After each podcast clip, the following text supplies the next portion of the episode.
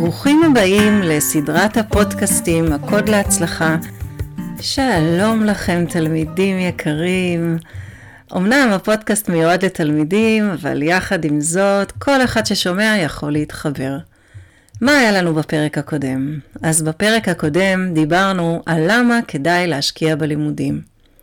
בפרק הזה אנחנו נדבר על הדרך שבה תוכלו להשיג תוצאות טובות. אני אגלה לכם שמילת המפתח היא התמדה. טוב, אז מה זה אומר התמדה?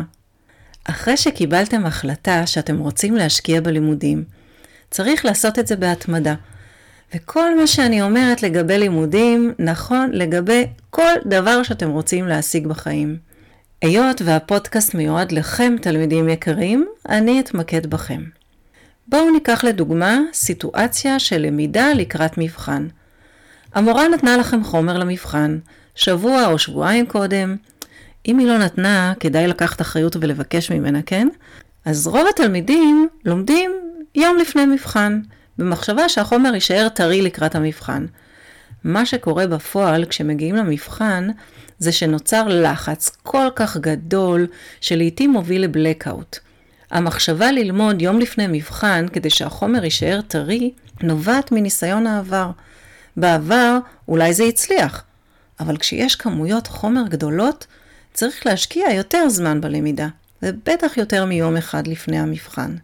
לא, אתם לא תשכחו את החומר אם תתכוננו כמה ימים או שבועות קודם. ההפך הוא הנכון. אתם תצליחו יותר, כי למוח שלכם יהיה יותר זמן עיבוד, בעין אני מתכוונת. אבל אה, מה שיותר חשוב זה שתלמדו בעקביות במשך כל השנה. ולא רק לפני מבחנים. כמו שאמרתי, זה אולי מצליח לכם לפעמים, אבל זה לא עובד לאורך זמן, וגם יוצר לחצים מיותרים. אז איך לומדים בהתמדה ובעקביות? קודם כל מגיעים לבית הספר באופן קבוע, ונוכחים בכל השיעורים. אם כבר הגעתם ללימודים, אז לא שווה להבריז מהשיעור ולשבת מחוץ לכיתה. זה אולי נעים בהתחלה, אבל אז תצברו פערים שייקח לכם הרבה זמן וכסף כדי להשלים.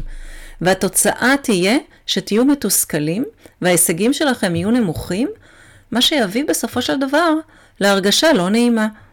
כדאי שתתמידו גם בהכנת שיעורי הבית באופן קבוע.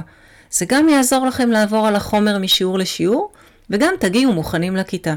ושוב תקבלו מחמאות מההורים, מהמורים, וזה יגרום לכם להרגשה נעימה, שתוביל בסופו של דבר להצלחה, וזה גם יעזור לכם להגיע מוכנים יותר לקראת בוחן או מבחן. אם עדיין עולות לכם בראש מחשבות של מה פתאום שאני אשקיע אחרי שעות הלימודים בהכנת שיעורי בית, אני ממליצה לכם להקשיב שוב לפרק הראשון. לכל שיעור שאתם נכנסים, תיכנסו במוד של ללמוד ולהצליח. תיכנסו לעשות את הכי טוב שאפשר. תקשיבו, תהיו פעילים ותכינו את המטלות הנדרשות. מי שמתאמן בספורט תחרותי יודע שלמגרש עולים כדי לנצח.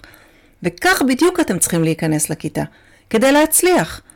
אני מאמינה שכל אחד מכם רוצה להצליח, וזה בהחלט אפשרי. אז כדי שתגיעו לתוצאות הכי טובות, אני ממליצה שתגישו את כל המטלות ותשקיעו בהם. מי שילמד רק יום אחד לפני מבחן, יכין את המטלה ערב לפני ההגשה, או יעתיק שיעורי בית בהפסקה, בטווח הקצר הוא אולי יצליח, אך זה לא יביא אתכם להצלחה אמיתית בטווח הארוך. אז בשעה טובה יסתיים יום הלימודים ואתם חוזרים הביתה. כדאי שתנהלו לעצמכם לוח זמנים שאיתו תצליחו, גם להכין שיעורי בית, גם ללמוד למבחן כמה ימים קודם, וגם ליהנות מזמן פנוי. בטח, זה אפשרי, אתם רק צריכים לנסות. בפרק על ניהול זמן תוכלו ללמוד איך לעשות את זה. לסיכום, להתמיד זה להגיע בעקביות לכיתה כל יום. להתמיד בהכנת שיעורי הבית, להגיש את המטלות בזמן ולהשקיע בהם את הכי טוב שאפשר. לנהל לוח זמנים שבו תשלבו את כל מה שאתם רוצים לעשות. כל זה יביא אתכם לתוצאות מעולות. ההצלחה בידיים שלכם. בפרק הבא נדבר על איך אפשר ליהנות מחוויית הלמידה, או כמו שאני קוראת לזה, באנו ליהנות בו. אז נשתמע בפודקאסט הבא, של קוד ההצלחה על פי צילה טיבי לתלמידים.